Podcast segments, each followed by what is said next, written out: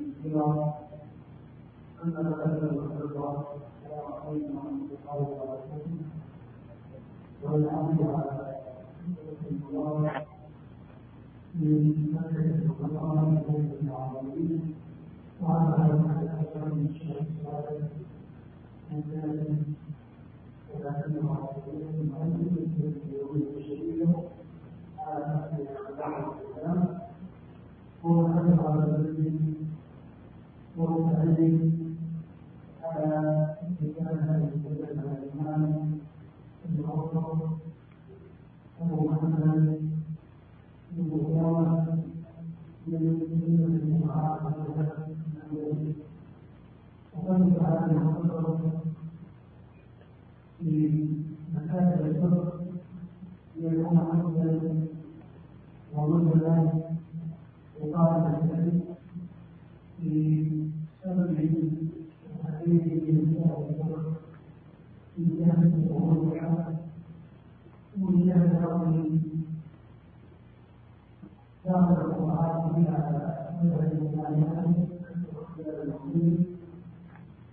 ومن يدخلها ورحمة بها الذي شرع بها وهذه من الإيمان وبين هذه الرسالة من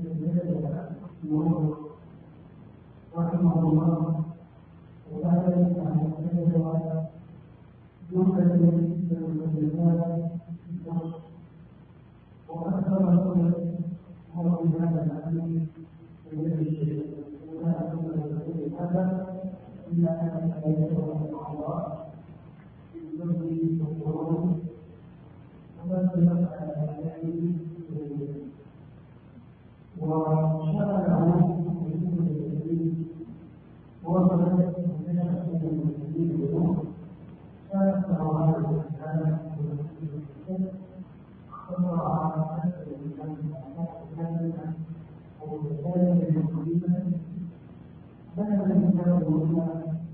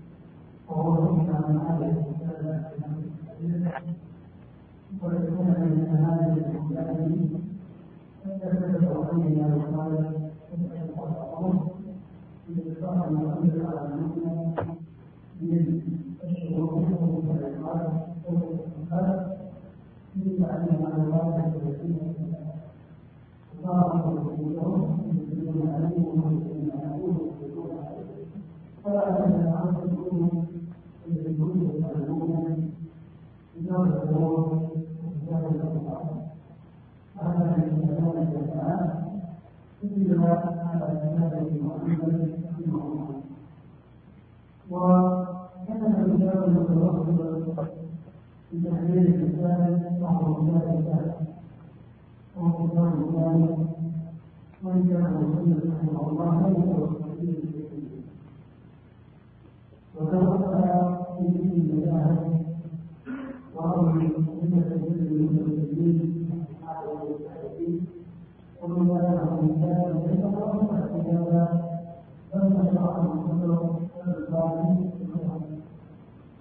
كان اختياره قوم فأتيت وهو الحكمة والصلاة الحديثة والصبر إنك بالله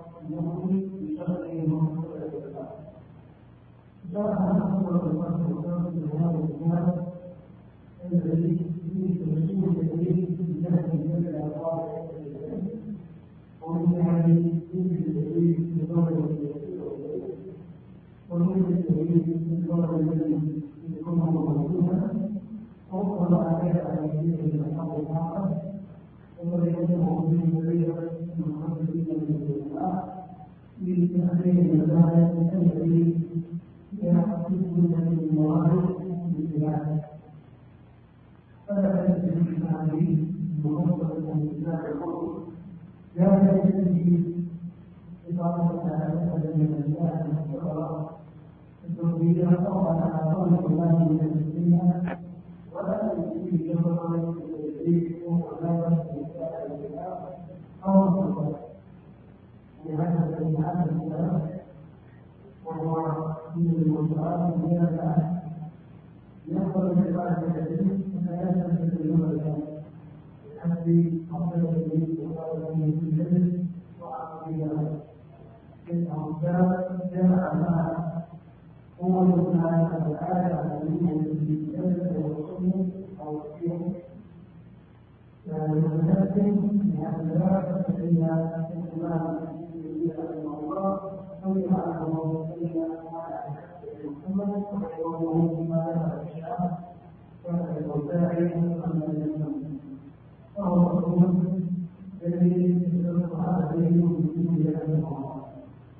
لكن الذي جاء هذا المال الذي يدرس في كتاب محمد يريد هذا الجهل والنظر في فخر الفقه وسائر الوحش وعلى كل فيه إقامة العلم والاختيار أقول فيه إقامة العلم بحسن الاختيار فإن من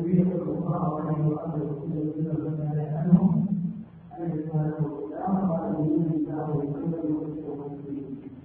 أن يكونوا مسمى لهم الشريعة وضرب من هذا الإسلام الذي هو في دين الله سبحانه وتعالى وكذلك أخذ الله تعالى عنهم على أخذ هذا المال على قواعد التشريع والاتجاه في منهج فهو كلام النبي صلى الله عليه وسلم ومن هنا قال العلم إذا أخذ جابر أنه تعالى فوجد يكون الشريعة أن يكون محمد مخصوصا بالوزير بحيث في شيء من الخطوات التي يكون مطلوب منها ليس عن هذا الكتاب والقواعد الدية والتحريف للمبادئ والرسول إنه المقصود أن يأتي الآخر فيها هذا لا وما هي أهم المسافة الوصول المسافة إليها التي في القرآن والكتاب فلكم ظهورا ولكم تحذيرا على كل مرة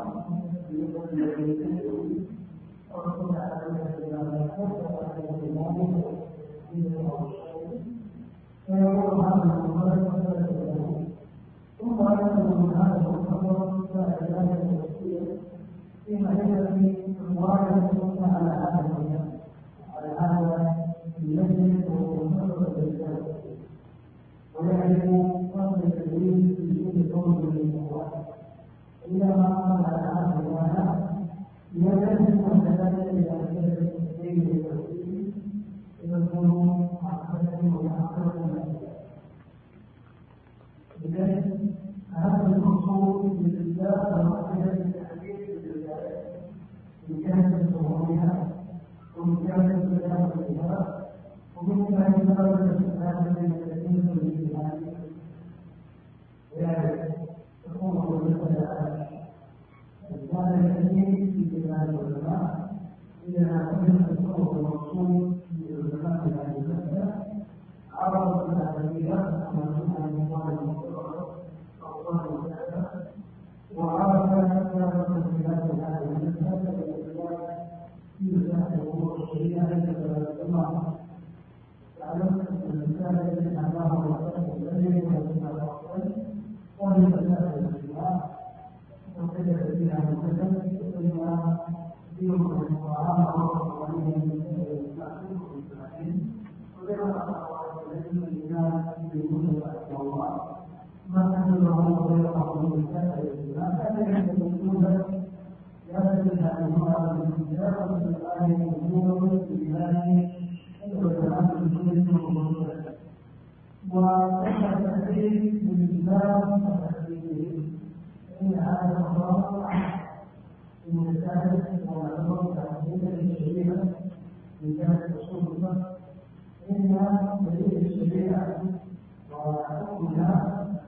هو رمضان الكتاب والسنة فلا بد دليل الدليل يقوم عليه الكتاب وحكم معتبر القرآن إن الدليل الشرع هو الكتاب والسنة وهذا يتبقى من الأدلة من الكتاب والدليل الإسلام كان كثيرا من تعليم المعلمين في تعليم الكتاب والسنة وعلى تقديم القرآن إلى الله سبحانه وتعالى وإلى المسلمين هذا الله وأكبر هذا هو الذي يشير محمد رسول الله المولود والمحور أي الذي صلى الله عليه وسلم وهذا من التجارة والمعصومية إنما يتبع الإنسان عليكم لما كان ضروريا ومتأخرا من هذه الناس من الصلاة والصلاة المحمود من رسول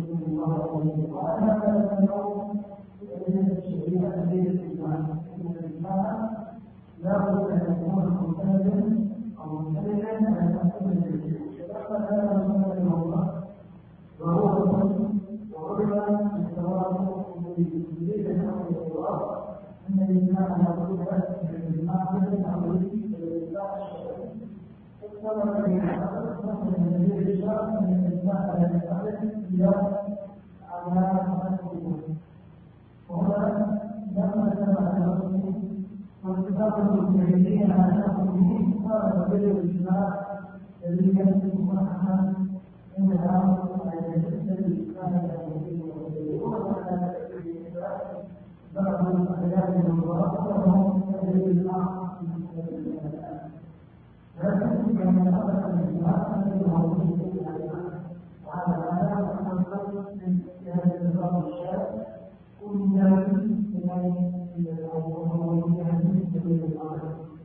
إن الله سبحانه وتعالى الذي أنزل الأمر المستقبل بما يجب على وجه الإسلام والإيمان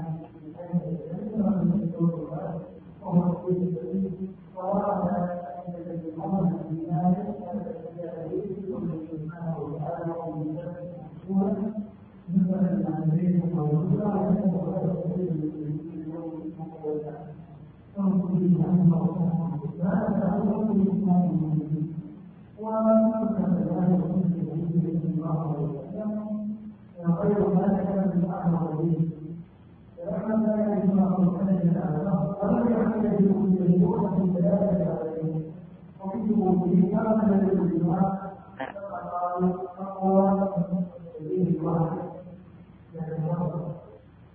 وكما تكون في الجماعة أقوى من تكون ثابتة في هذه فهذا كلام جميل وأما لما ذلك في الله تعالى في الفقه اليه الكلام في قول الصحابي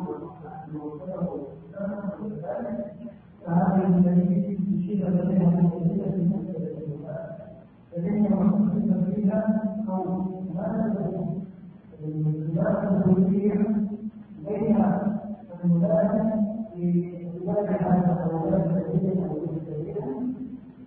مثلها ومن تحقيق ومن تحقيق أن هذا الدليل متوقف من الكتاب لهذا إذا تأمل تبين له أن الدليل الشرعي هو قول الله وقول النبي صلى الله عليه وسلم هذا هو إنما كان اتباع الدين لأنه هو الذي الشارع والذي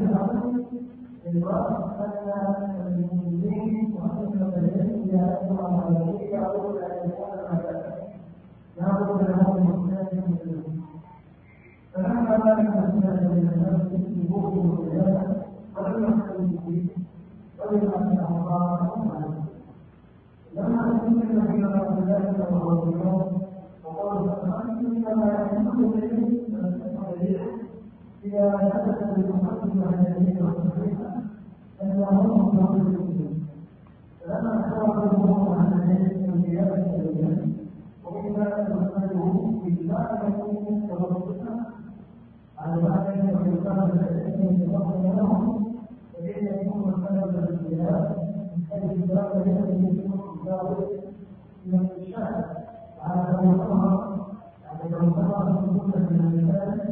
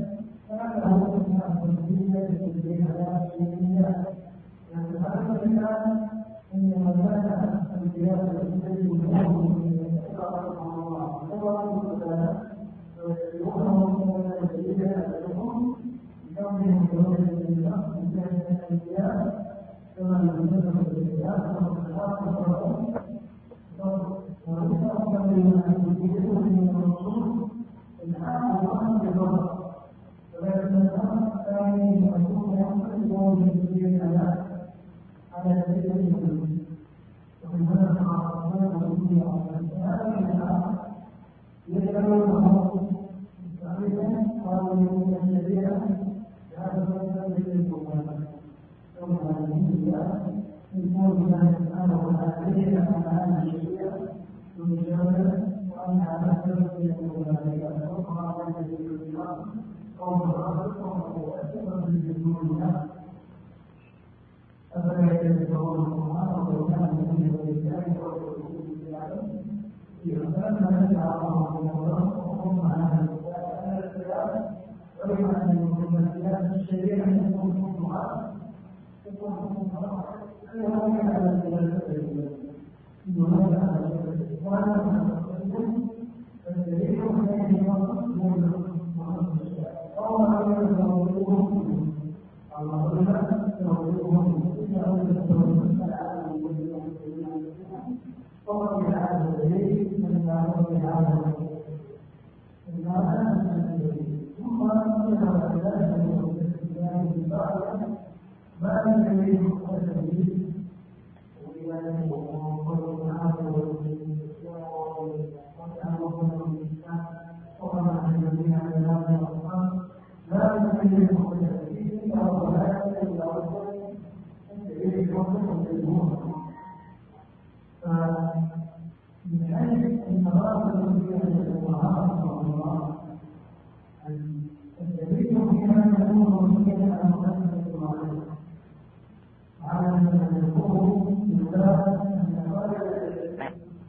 وهذا الفقر وعلى ذلك الأول إلى ما أمر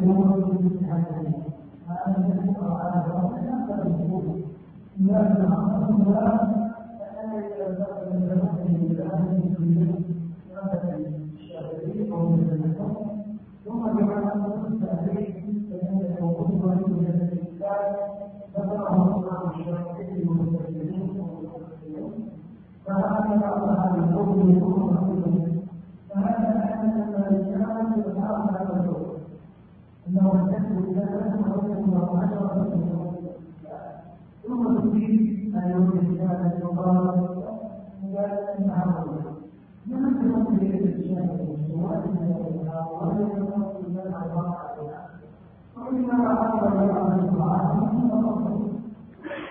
وأنه من غاية الذي يفكر من في تحقيق هذه الآية التي على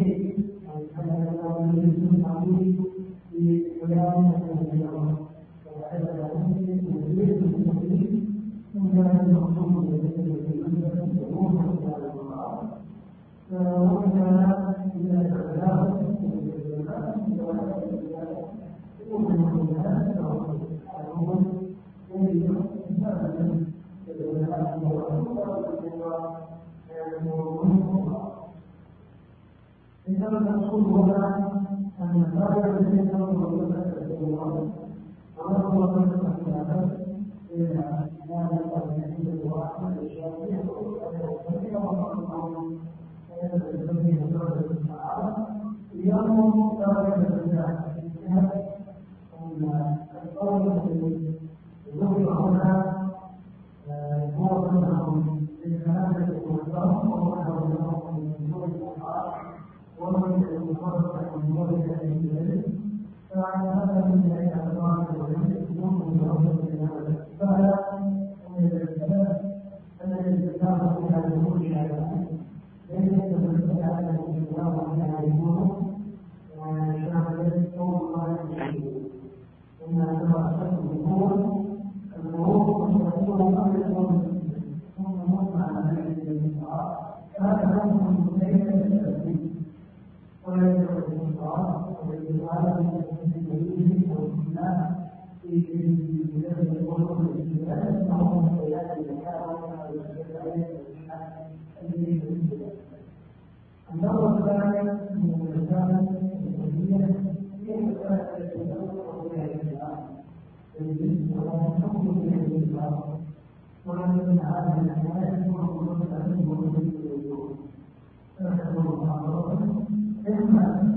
لهم أنها عالمة وذكر أن الله بالله شيئا إلا أن يكون الله إذا أخبر ما أشاء تحرير ولا نظر على حقيقة تفيد بالله وربما لا يمر من كل ذنبه أن يقرأ الحقيقة أو يغير وغير الله آخر وقال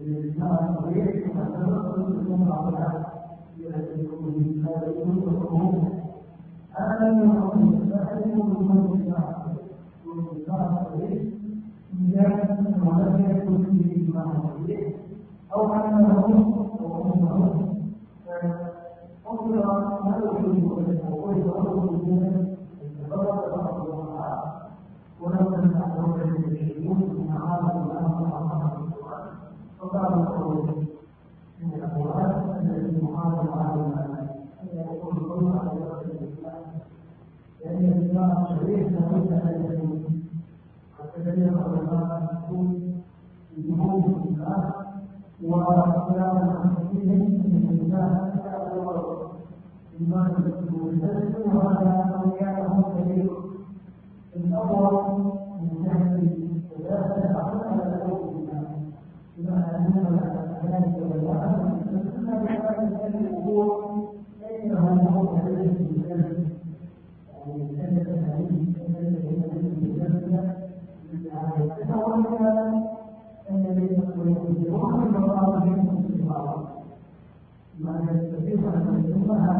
Allah'a emanet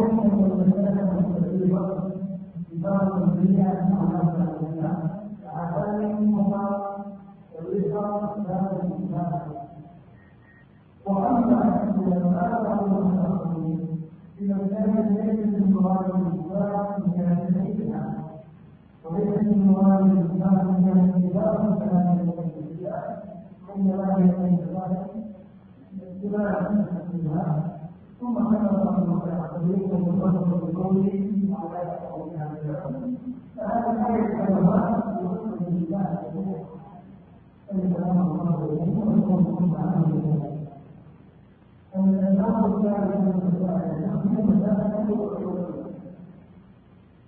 ولا يكون في على المشاكل بل فيها خلاف معقول قد يكون قد حدث الله بعض أو أحد الأمور كذلك من الولاية أو بعض المرض الولاية والقول فالولاية لا تنظر ولكن الأمور من الله الأمور المتدين للطعام أو التدين وقبل الأمر والولاية فإنه شهادة إنه لما يقول عليه يقول قال لا أنا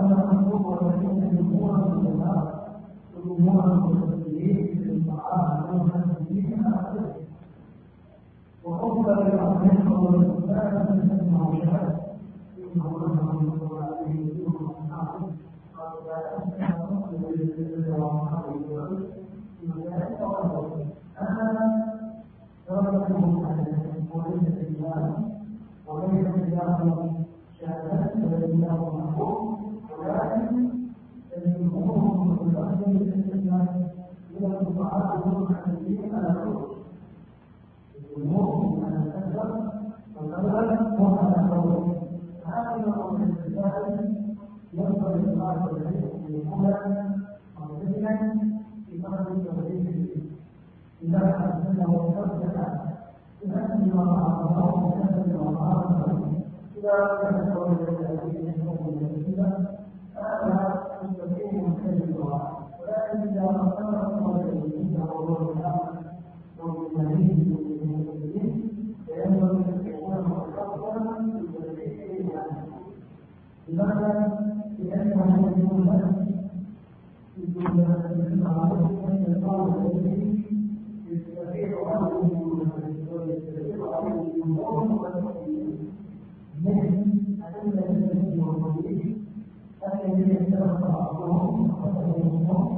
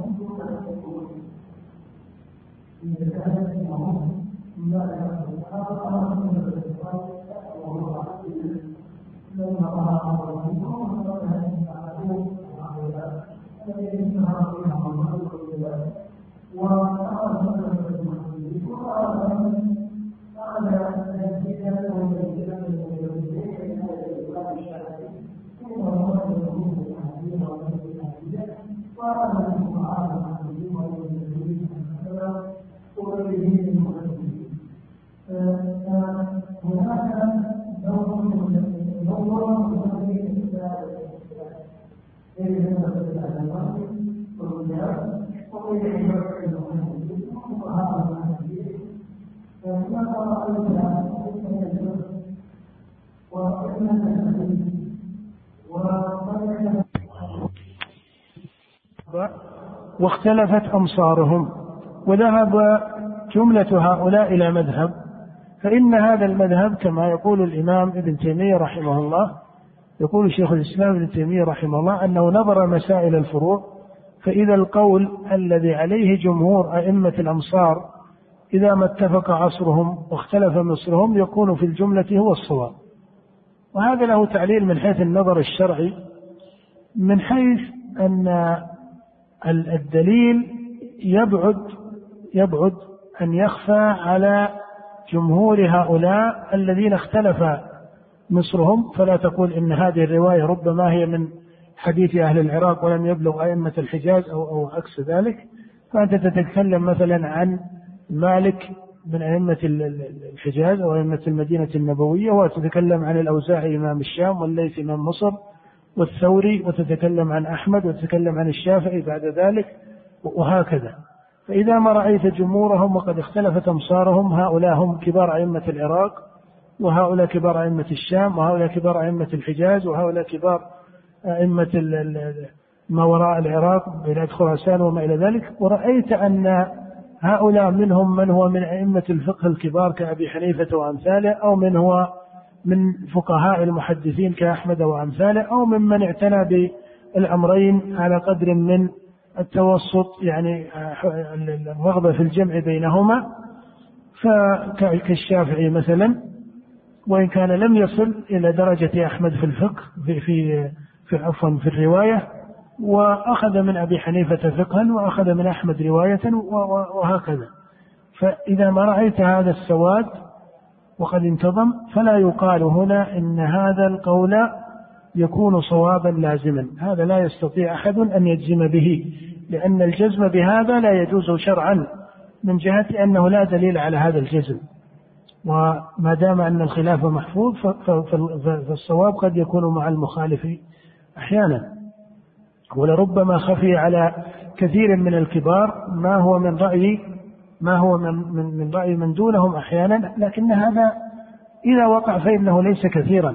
هذا إنما نقوله من باب الاعتدال في النظر. هو إذا وقع ليس كثيرا وإلا فإنك تعلم أن عمر رضي الله عنه كما في الصحيح لما سار إلى الشام وبلغه أن الطاعون قد وقع بالشام جمع كما في حديث ابن عباس رضي الله عنهما في الصحيح جمع المهاجرين الذين معه أي من كان معه في الجيش من المهاجرين الأولين فقدم الكبار أولا فاستشارهم هل يذهب إلى الشام أو يرجع إلى المدينة فاختلفوا عليه ولم يتفقوا. ثم جمع الأنصار فاختلفوا عليه ثم جمع مسلمة الفتح فتح مكة فاتفقوا على أنه يرجع. فمع أن مسلمة الفتح كانوا بعد المهاجرين والأنصار إلا أن الرأي تبين لهم أكثر من جهة اتفاقهم. ولكن هذا لا يكون إلا عارضا. في الجملة أن السنة مضت وهذا حتى هدي النبي صلى الله عليه وسلم من عنايته برأي أبي بكر وعمر ورأي كبار الصحابة إلى آخره. هذا نقوله كمنهج لطالب العلم أن القول إذا ما تبين أنه قول جمهور الأئمة. الذين بهذه الصفة أنا أقول هذا لأنه يقع لك في الكتب المفصلة المتأخرة ربما قال بعض الفقهاء بل, يقولون ذلك كثيرا هذا قول الجمهور. فربما أراد الفقيه أنه قول جمهور أصحابه من الشافعية أو الحنبلية والمالكية وربما أراد أنه قول جمهور أهل العلم ولكنه لم يحرر هذا بالتحقيق لم يحرر هذا بالتحقيق. لكن إذا ما تبين أنه قول الجمهور قد يقول قائل ومن أين نعرف الأقوال التي عليها جماهير المتقدمين من أئمة الفقه والحديث؟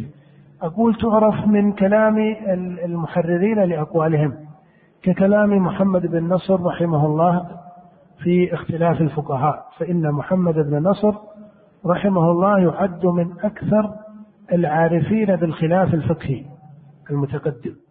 إذا ما رأيت محمد بن نصر حرر المذاهب وحرر الآراء فإنه من أكثر العارفين بهذا. آه، إذا ما رأيت الإمام الترمذي مثلا ذكر أن هذا في سننه يذكر أن هذا عليه أكثر أهل العلم. فالترمذي إمام جامع متقدم أيضا وهلم جرا إذا ما رأيت بعض المحققين من المتأخرين الذي يعني استقرأ المسألة كما يقع في استقراءات الحافظ بن رجب رحمه الله للمسائل فإنه مستقرئ معتن بأقوال المتقدمين من العلم. من هذه الطريقة وأمثالها يتبين لك ذلك. فهذا كما قلت لا يقال إنه لازم على اضطراد ولكن ينبغي لطالب العلم أن يترفق إذا خالفه. لا ينبغي اولا من من من وقع في كثرة المخالفة لذلك فليراجع فقهه. أنا أقول من وقع في كثير من المخالفة لجماهير المتقدمين من الفقهاء والمحدثين فليراجع فقهه في الغالب يكون في فقهه شيء أما إذا عرض له ذلك أحيانا فهذا ليكن متبصرا في المخالفة ولا ينبغي الاستطالة في آه، توهين أو أو جعل قول الجمهور مرجوحا بدرجة ضعيفة. ولهذا لما جاء المحققون الكبار من المتأخرين كشيخ الإسلام ابن تيمية رحمه الله على ما امتاز به من قوة العارضة في العلم والقراءة لفروع الشريعة ولأقوال الفقهاء وغير ذلك ومع هذا ورماه من رماه من بعض أقرانه وبعض فقهاء المذاهب وقضاة بأنه خالف العامة من العلماء وخالف الجماهير من العلماء بأوجه من التكلف التي ليست محققة وليست صحيحة عند التحقيق. ومع هذا فإن المسائل التي خالف فيها ابن تيمية رحمه الله الجماهير من الأئمة قليلة إذا تحررت فإنها قليلة جدا ليست من المسائل كما أشيع أو كما قد يطلق أحيانا من الأقوال. الدرجة الرابعة من الخلاف إذا ما كان الخلاف إذا ما كان الخلاف شائعا بين الكبار أنفسهم. رأيت أئمة المذاهب على اختلاف بين ورأيت أئمة الفقه وأئمة الحديث على اختلاف بين بل قبل ذلك ربما تجد الخلاف مشهورا بين التابعين أو قبل ذلك شائعا بين الصحابة رضي الله عنهم فإذا ما كان الخلاف شائعا فهذا وجه ينبغي لطالب العلم أن لا ينظر إلى المسألة على أنها من المسائل التي يقع فيها جزم أو قطع إنما هي مسائل يرجح فيها بالأحرى وبالأظهر وأمثال ذلك. هذا هو الأليق بطالب العلم ليعرف الخلاف ودرجة الخلاف بين الأئمة. ثم يعرف أصل الدليل الذي يقول به أو يرجحه في القول المختار عنده. وعليه يتلخص لنا من هذا أن معرفة الخلاف هي مقام شريف من علم الفقه. وفيما يظهر لي أن معرفة الخلاف والإجماع هي نصف الفقه. وأنا أؤكد هذا لأنه في هذا العصر قلت عناية الكثير من طلبة العلم بمعرفة الخلاف وصار أكثر ما يقصد إليه أن يعرف الراجح والمرجوح مع أن الخلاف وصف ذاتي والراجح والمرجوح وصف إضافي بمعنى أنك إذا عرفت الخلاف فالخلاف ثابت هذا مذهب لأحمد وهذا لأبي حنيفة ووافق هذا هذا في مسألة كذا وخالفه في كذا هذه المسألة فيها ثلاثة أقوال للأئمة فيها قولان للأئمة هذا وصف ثابت للمسائل. أما الراجح والمرجوح فهو وصف إضافي. ومعنى أنه إضافي أن أن أن الراجح هو ما توصلت إليه. فأنت تقول هذا الراجح أي باعتبار ما وصلت إليه. ولهذا قد تقول كبيان لهذا المعنى وإيضاح له قد تقول مثلا إن الراجح عند الحنابلة كذا كما أنك تقول قول الحنابلة كذا في هذه المسألة وقول الشافعية كذا هو إذا تأملت ليس الشافعي هو الذي أسس هذا القول وليس هو أول من من إيش؟ من قاله وليس أحمد هو أول من قال هذا أو أصحابه من بعده. فإذا كان كذلك فإن حقيقة أنه قول لهم أنهم رجحوه وإلا فإن مالكا أخذ عن عن سلفه وأحمد أخذ عن سلفه ممن قال بهذا القول قبله. فهم رجحوه فإذا يتبين لك أن الترجيح إضافي. وعليه فالراجح عند أحمد ليس هو الراجح عند مالك أو عند الشافعي أو عند الحنبلي والحنفي والشافعي والمالكي ولو مجرد وعليه الراجح ليس شيئا ليس وصفا ذاتيا. ولهذا طالب العلم لا يستقيم له إذا كان مدركا وذكر خلافه في مسألة أن يقول هذا صحيح ولكن الراجح كذا هذا ليس كذلك. لأنه ما في راجح. أنت لك أن تقول لكن مذهب أبي حنيفة كذا أو مذهب أحمد كذا لأن هذا وصف ذاتي لا يتغير. يعني كما لو خاطبت عوام من الحنفية فقلت لهم وقد ذكر رواية قلت لهم لكن مذهب أبي حنيفة كذا. هذا هذا صحيح. لكن أن تقول لكن الراجح كذا هذا يحتاج إليه في التطبيق والفتوى صحيح. المفتي قد يقول لمن استفتاه في المسألة خلاف الراجح كذا هذا لا غرو فيه. إنما قصدت هنا أنك تعرف أن الترجيح وصف إضافي. هو عند هذا الذي أفتى وهذا الراجح. فبدل ما أن يهتم طالب العلم في مسألة الترجيح الترجيح وصف إضافي نتيجة للوصف الذاتي. نتيجة للوصف الذاتي. إذا ما أحكمت معرفة الخلاف وأحكمت أصول الأدلة التي استدلوا بها على الخلاف فهنا تتأمل في مسألة إيش؟ الراجح والمرجوح. أما القصد إلى الترجيح وهو نتيجة قبل تحقيق المقدمات هذا نقص التحقيق العلمي. يعني إذا ما أخذتها بالمعيار أو بمعيار المنطق لك أن تقول إن الأوصاف الذاتية هي مقدمات وإن الترجيح الذي هو وصف إضافي هو إيش؟ نتيجة. هنا مقدمتان المقدمة الأولى أن تعرف الخلاف الفقهي في هذه المسألة ودرجته. المقدمة الثانية أن تعرف الدليل المناسب من دليل الشارع لهذه المسألة. وإذا ما تقارب عندك مناسبة دليل الشارع من أوجه متعددة فتنظر الأحرى والأقوى من أدلة الشارع المناسبة لهذه المسألة. إذا ما جمعت هذا وهذا عرفت الخلاف فلم تخالف إجماعا ولم تأخذ بقول شاذ ولهذا كان المتقدمون يعنون بهذه المسألة. وعن هذا قال الإمام أحمد لا تقل في مسألة إلا ولك فيها إمام. لا تقل في مسألة إلا ولك فيها إمام. معرفة أقوال الأئمة ولا سيما المتقدمون منهم هذا من أجل الفقه وأهم الفقه. مع معرفة الدليل وهذه قاعدة أو هي القاعدة الأصل فإذا ما جمعت هذين الفضلين أو هذين المعنيين من العلم وهما المقدمة الصحيحة تأتي النتيجة المنطقية هنا معتدلة صحيحة من حيث أنك تعرف الراجح والمرجوح ويبقى الراجح هنا راجحا إضافيا ليس راجحا ذاتيا. لا يوجد في المسائل ترجيح مطلق أبدا. لا يوجد في المسائل ترجيح مطلق. ما رجحه أحمد قد يقول ما تجد في مذهب مالك أن الراجح عند مالك خلاف ما هو الراجح في مذهب أحمد وهل وإذا قلت إن هذا رجحه العالم فلان ولو كان عالم الزمان في في في في زمانه إن صحت هذه الكلمة مهما كان الأمر فإن هذا يبقى أنه ترجيح إضافي وهلم جرا الترجيح هو بطبيعته وصف إضافي وليس وصفا ذاتيا للمسائل. أنا أؤكد على الإخوة أن يعنوا بمعرفة الخلاف ولهذا سنسلك إن شاء الله في هذا في هذه الرسالة ونسأل الله سبحانه وتعالى بتوفيقه وتيسيره وعونه أن ييسر إتمامها ولو في سنوات قادمة إن شاء الله. سنأخذ فيها منهج آه، بيان صورة المسألة في كلام أبي محمد رحمه الله. المقصود بصورة المسألة وهي في الجملة بينات ليس في كثير من تصويره إشكال. نعرف بعد ذلك الخلاف المتقدم في هذه المسألة التي قالها. نقف على المسألة التي سماها صورتها وتحريرها الفقهي.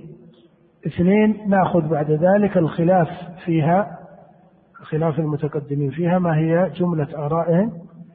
بعد ذلك نأخذ درجة هذا الخلاف حسب الترتيب السابق. هل هذا من الخلاف الشائع أو من الخلاف الذي خالف فيه البعض الجمهور أو أنه خلاف شاذ أو المسألة تصل إلى الإجماع في المحكمات من المسائل؟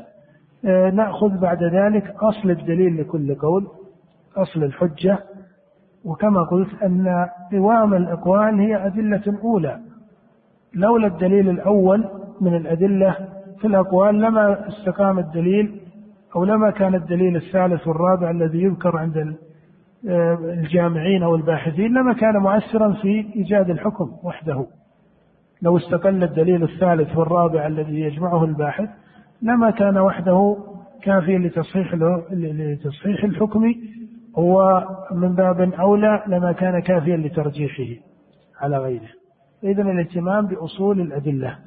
بعد ذلك نأخذ التعليق على مسألة ما يكون فيه شيء من التبين أو الترجيح. هذه مسألة أرى أنها هي أخف المسائل. هذا هو المنهج إن شاء الله الذي سنسير عليه وسيكون التعليق سريعا حتى نستطيع أن ننتهي إن شاء الله في هذا وفي هذه السنة. ننتهي من كتاب الطهارة وكتاب الصلاة بإذن الله تعالى. نقرأ اليوم بعد هذه المقدمة نقرأ مقدمة المصنف ويعلق عليها باختصار. نعم. بسم الله الحمد لله والصلاة والسلام على نبينا محمد وعلى آله وصحبه أجمعين. قال المؤلف رحمه الله بسم الله الرحمن الرحيم. الحمد لله أهل الحمد ومستحقه حمدا يفضل على كل حمد كفضل الله على خلقه. وأشهد أن لا إله إلا الله وحده لا شريك له. شهادة قائم لله بحقه. وأشهد أن محمدا عبده ورسوله غير مرتاب في صدقه صلى الله عليه وسلم وعلى آله وصحبه ما جاء سحاب بودقه وما رعد بعد برقه. أما بعد. نعم هذه المقدمة درج العلماء رحمهم الله على أن يفتتحوا كتبهم وتصانيفهم بذكر الله وحمده والصلاة والسلام على نبيه محمد صلى الله عليه وسلم. وهذا الابتداء ابتداء آه، على أصل الشريعة وعلى قاعدتها ومجمع على شرفه وفضله. وإن كان بعض المتأخرين من العلماء رحمهم الله آه، وقفوا عند هذا الابتداء بالتعليق آه، في ذكر سببه ولماذا ابتدأ المصنف بذكر حمد الله ولماذا ابتدأ بالمسألة وكأن هذا أخذ بما ورد في حديث يروى كل أمر ذي بال لا يبدأ فيه بسم الله فهو أبتر ثم يقال إنه حديث لا يصح أو أنه حديث ضعيف وهذا مجرى من التسلسل في التعليق ولست أرى هذا له معنى كثير. هذا مما لا تحقيق فيه ولا معنى له كثيرا. فإنه لا يسأل العالم والمصنف إذا ما ابتدأ كتابه ببسم الله الرحمن الرحيم أو بالحمد لله والصلاة والسلام على نبيه محمد. لأن هذا ابتداء؟ على قواعد الشريعة وعلى أصلها وعلى مادتها ليس مستغربا حتى يحتاج إلى إلى تعليل. فهو ليس الباعث له أنه يروى هذا الحديث أو لا يروى هذا أمر معروف فإن البدء بسم الله والثناء على الله سبحانه وتعالى ولا سيما في مجالس العلم وفي كتب العلم هذا من أفضل المشروعات وهو على القاعدة الشرعية. هذا هو على القاعدة الشرعية ولا يحتاج إلى استدعاء أوجه في تسبيبه أو تعليله. أو تصحيحه أو مراجعته. نعم. قال المؤلف رحمه الله أما بعد هذا كتاب في الفقه اختصرته حسب الإمكان. هذا كتاب في الفقه وقد كتب كما سلف كتب جملة من الكتب في الفقه ويراد بالفقه هنا فقه الفروع. وإلا فإن الفقه في كلام النبي صلى الله عليه وسلم هو أوسع من ذلك. لما قال عليه الصلاة والسلام من يرد الله به خيرا يفقهه في الدين فالمقصود بفقه الدين معرفة أحكام الله سبحانه وتعالى سواء ما تعلق بفروع الشريعة أو أصولها ما تعلق بمقدماتها أو نتائجها من جهة أدلتها ثبوتا أو دلالة أو أحكاما آه، متحصلة من هذه الأدلة. كل هذه المادة من الشريعة بعمومها وسائر مواردها فإنها تسمى فقها. وفقه الشريعة بعمومه هذا وجهه في كلام النبي صلى الله عليه وسلم. وأما هنا فإن الاصطلاح درج على تسمية هذه المسائل الفروع تسمية هذه المسائل بالفقه.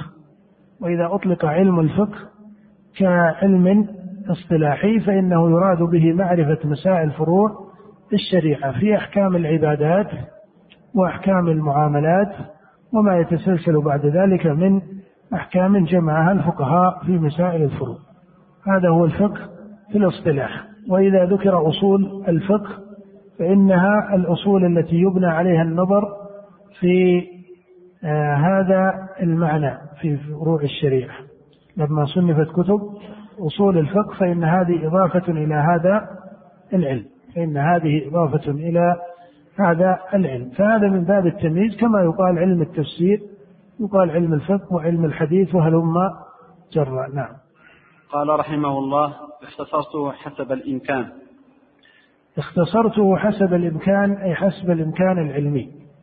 فجعله مختصرا أي بريئا من الخلاف فلم يذكر فيه خلافا ولم يستطرد بجمع الأقوال ولم يذكر فيه أدلة مفصلة إنما أشار إلى بعض أصول الأدلة على قدر من التجمل والتبرك كما نص على ذلك تيمنا بها. ليس من باب أنها مفصلات على كل المسائل. فهو ما جمع على كل مسألة الدليل عنده. إنما ذكر هذه كنوع من التيمم بها والتنبيه عليها والإشارة إليها على هذا الإجمال. فهو اختصره حسب الإمكان. وهذا المختصر من أجود المختصرات الفقهية التي ينبغي لطالب العلم أن يقرأها. ولا سيما أن مؤلف هذا الكتاب له تصنيف متسلسل بمعنى أنك إذا قرأته ناسب لك بعد ذلك أن تقرأ المقنع وناسب لك بعد ذلك أن تقرأ في الكافي وناسب لك بعد ذلك أن تقرأ في المغني. إذا ما أردت قراءة فقه هذا المصنف.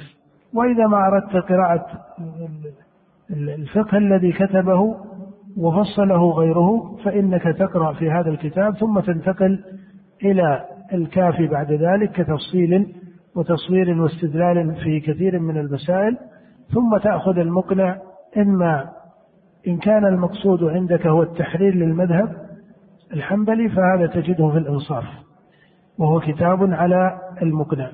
وإن أردت أن تدرس المقنع على اعتبار قراءة المسائل على الخلاف المقارن بين المذاهب الفقهية فأجود ما في هذا كتاب الشرح الكبير لابن أبي عمر الحنبلي وهو ابن أخي الموفق.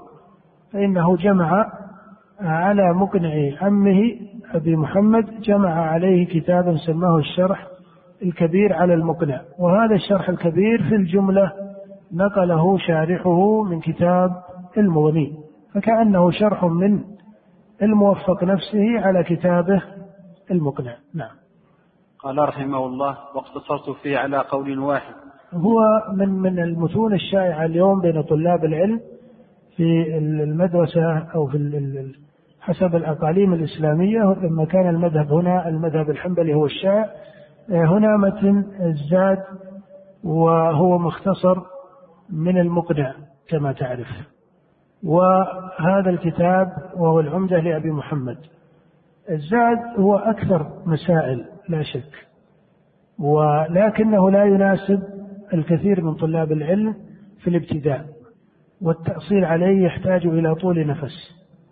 فمن طوى عليه أو قوي عليه فهذا يناسبه ومن كان دون ذلك فهذا لمن ضاق وقته وكثير من الناس اليوم تضيق عليهم الأوقات باعتبار نظام الحياة واختلافه فصار التفرغ لطلب العلم ليس شائعا لأسباب متعددة. على كل حال من هذا الوجه تكون رسالة ابن محمد أجود. وإلا فإن الزاد المستقنع هو حقيقة مختصر من مقنع الإمام الموفق.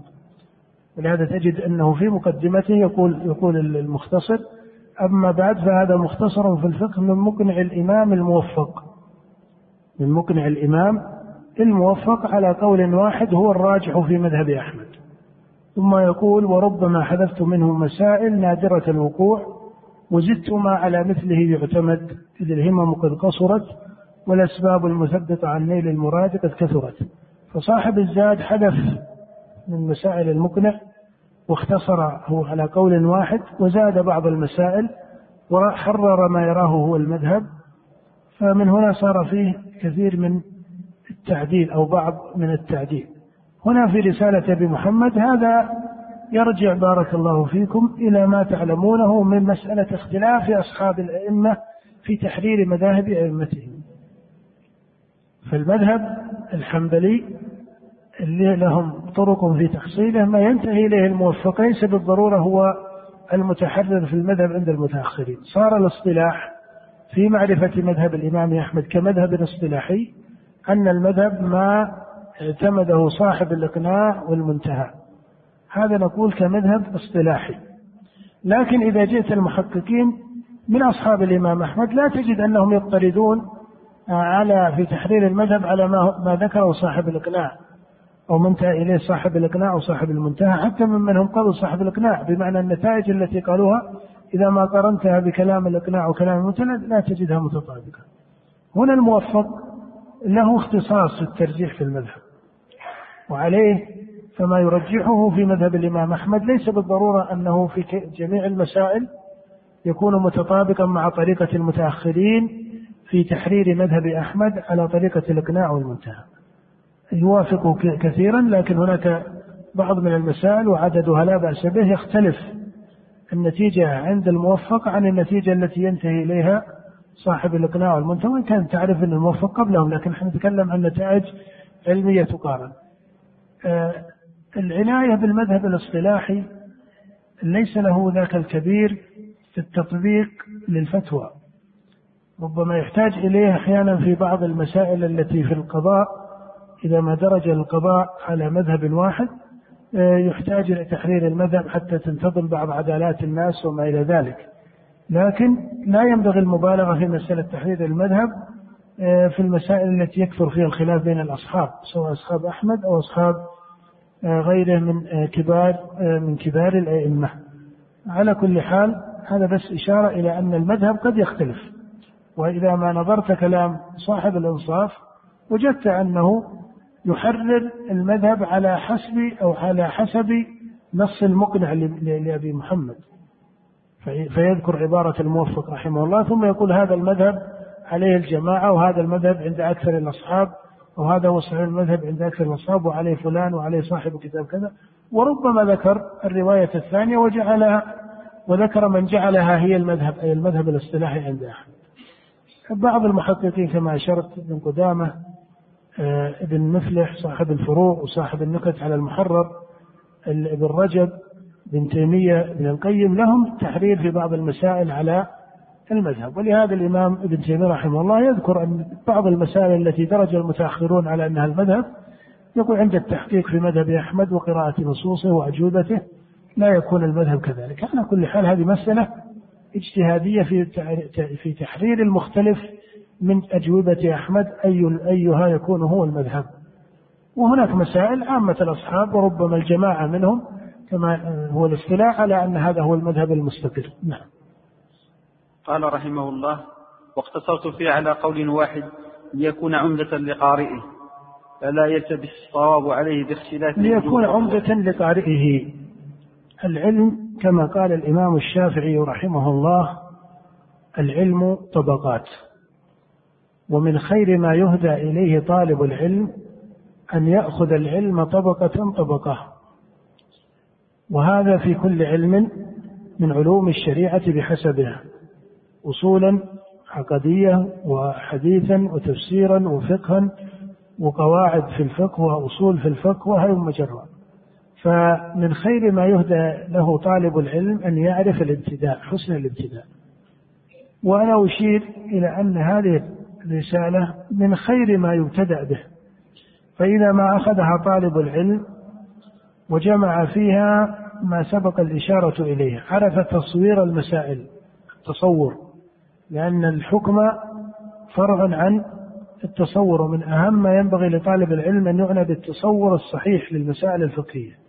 فإذا ما عرف التصور وعرف الخلاف وعرف درجة الخلاف وعرف أصل الدليل على كل قول وأخذ بالراجح أو قلد المصنف أو ذهب في الترجيح إلى اختيار عالم آخر أو إلى شارح أو غير ذلك إذا ما استوعب في هذه الرسالة هذا القدر فإنه يكون قد أتى على أصل شريف في تحريره للفقه لينتقل بعد ذلك إلى الطبقة الثانية في الطلب والطبقة الثانية في النظر العلمي. وإلا العلم كما ذكر الإمام الشافعي خمس طبقات. ينبغي لطالب العلم أن يأخذ العلم طبقة طبقة. فإذا ما أخذت هذا الكتاب وجعلته الطبقة الأولى في الفقه. تصورت مسائله ماذا أراد ما المقصود بهذه الجملة ما المقصود بهذه المسألة ماذا يعني الفقهاء بهذا وهذا سيأتينا إن شاء الله لما ندخل في تفصيل المسائل. لما يقولون الماء الطهور والماء الطاهر ما مقصودهم بالطهور ما مقصودهم بالطاهر ما مقصودهم بالنجاسة الحكمية مثلا ما معنى النجاسة الحكمية وهكذا. لما تأخذ الخلاف في هذه المسألة الماء طهور وطاهر ونجس أو أنه ينقسم إلى قسمين فحسب. الخلاف درجة هذا الخلاف. هل الخلاف له ثمرة أو ليس له ثمرة؟ ما ثمرته في الفروع اللاحقة في كتبهم؟ أصل الدليل عند من قال إنه ثلاثة ومن قال إنه ليس إلا اثنين. آه ثم الراجح والمرجوح سيذكر عارضا. ستقول إن هذا مذهب لفلان وفلان من الأئمة وهذا مذهب لآخر. وهذا اختيار لبعض المحققين فتسميه من هنا يبين الراجح أصلا. الراجح فيما أرى ليس إملاء يمليه الأستاذ إن صحت العبارة أو المدرس فيقول لهم في الأخير والراجح كذا. هو طالب العلم وهو يسمع أن هذا مذهب لأحمد والشافعي وهذا مذهب لأبي حنيفة ومالك واستدلوا بكذا وقالوا كذا واختار القول الأول فلان وفلان من المحققين كابن تيمية كابن رجب كابن عبد البر مثلا في اختياره لأقوال مالك واستدل له. من هذا العرض في الجملة يبين لبعض لطالب العلم المدرك اختيارا أو, أو, أو ليس هو الاختيار بكلمة الفقهية العليا لكنه اختيار بحسب الطبقة التي هو فيها. وإلا ما ما أرى أن طالب العلم حقيقة يشغل نفسه بنظرية الاختيار والترجيح وأنا ماذا أرجح وماذا لا أرجح. والترجيح يعني كما سبق أنه إضافي و و ويأتي درجة من العلم. يعني يعني من هو في الدرجة الاجتهاد إذا كان الإنسان وصل إلى درجة المجتهد ترجيحه واجب وبحثه واجب ولهذا ربما لا يجوز له الترجيح إذا كان القول على تأسيس. لا بد أن يكون مؤسسا إذا كان في يتكلم في نازلة من النوازل. لكن إذا كان المجتهد يتكلم في قول سبقه فهذا يكون ترجيحه فيه واجبا. يعني التقليد آه، ليس مذموما على الإطلاق كما قيل أحيانا. لا تجد في كلام الله أو كلام نبيه أو حتى كلام المتقدمين ذم مطلق للتقليد. بل التقليد لابد أن يكون له فقه وهو الإشكال هم أن أنهم يذكرون في التقاسيم عند كثير من المتأخرين التقليد ويقابله ماذا؟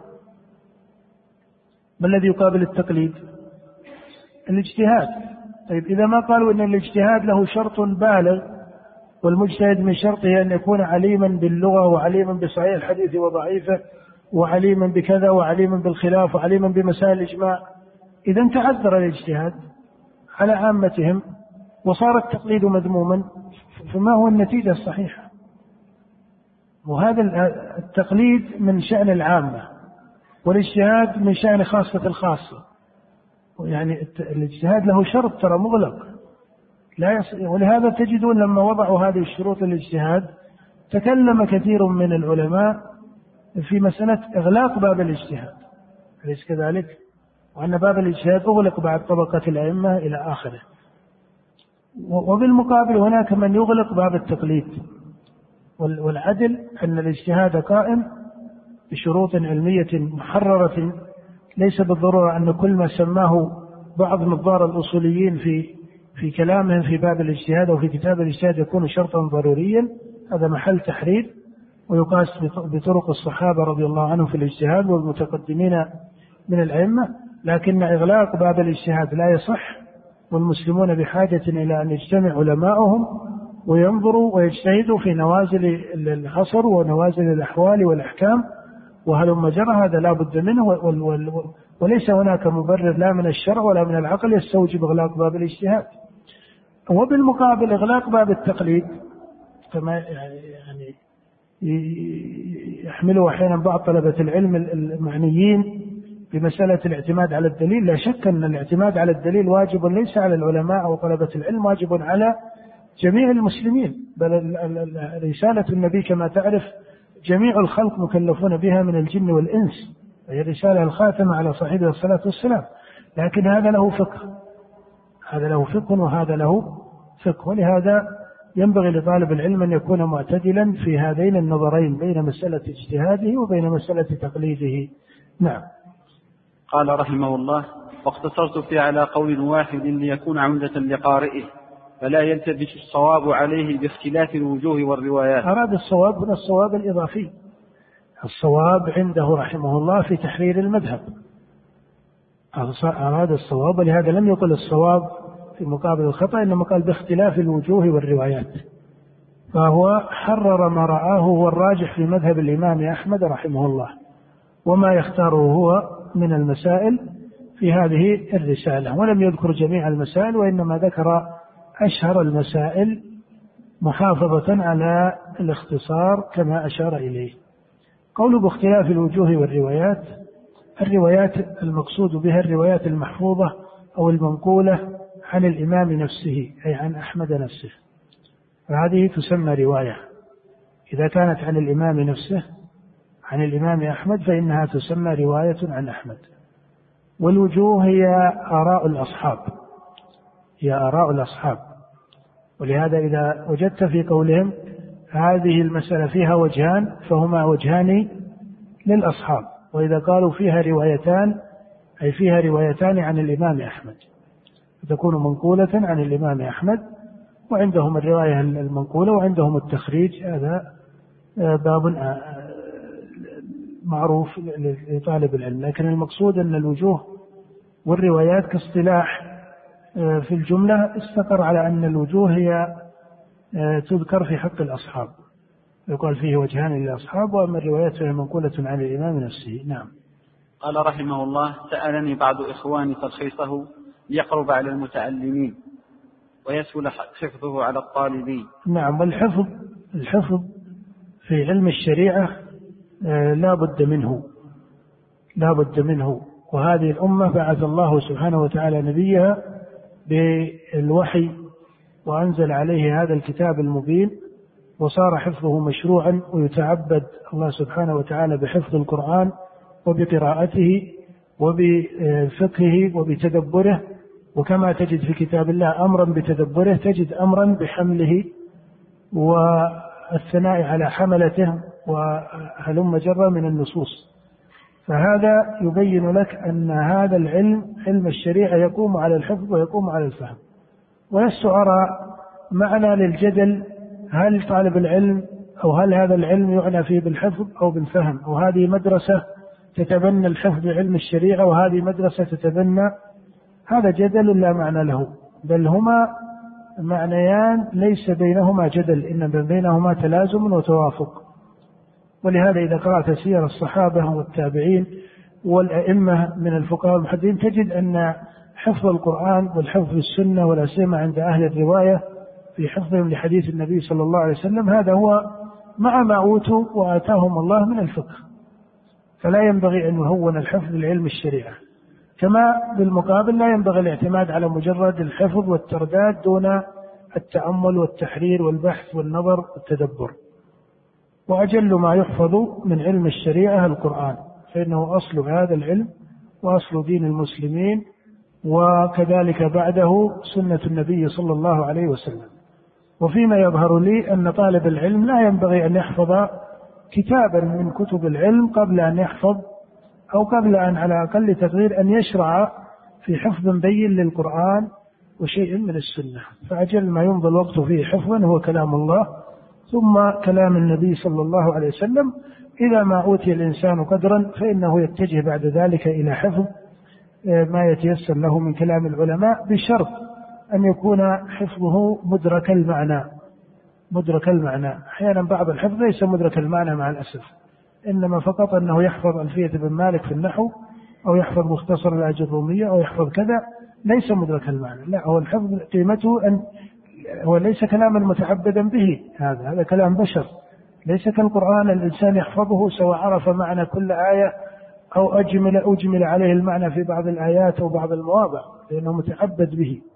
ويتدين لله سبحانه وتعالى بقراءته ولو لم يتبين لك المعنى في كل آية.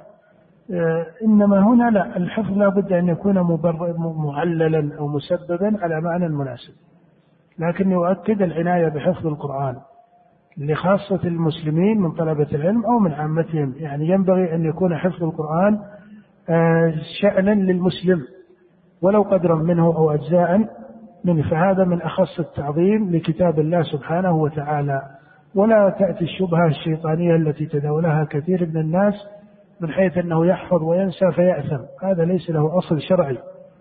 إنما الذي ينسى بمعنى يعرض عن القرآن لا يقوم به أي لا يلتفت إليه هذا لا شك أنه محل الاسم لكن من أخذ القرآن ثم نسي ما نسي لأمر عرض له أو أو أو, أو أدركته أدركه التعب أو أدركه مرض أو شغل في رزقه فنسي بعضا من حفظه أو شيء من هذا هذا شأن لكل أحد ولا, ولا, ولا إشكال فيه وليس محلا للذنب لا من قريب ولا من بعيد. نعم. قال رحمه الله فأجبته إلى ذلك معتمدا على الله سبحانه وتعالى في إخلاصه القصد لوجهه الكريم. وهذا من من التنبيه الفاضل لطلبة العلم أن علم الشريعة يجب أن يصان عما لا يليق به فيكون عملا خالصا لوجه الله سبحانه وتعالى لأنه عبادة. وتعلم أن العبادة لا بد أن تكون خالصة لله سبحانه وتعالى. ومن معنى الإخلاص لله سبحانه وتعالى في هذا العلم في إرادة طلبه فتكون خالصة لله ومن معنى ذلك كثرة الاستعانة بالله جل وعلا على الفهم والحفظ والفقه في الدين.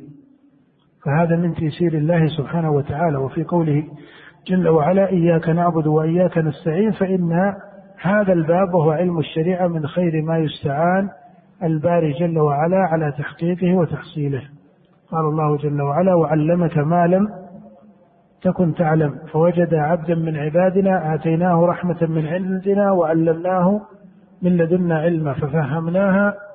سليمان وكلا آتينا حكما وعلما إلى آخره. فيجب أن يقصد وجه الله ويستعان به جل وعلا على تحصيل العلم.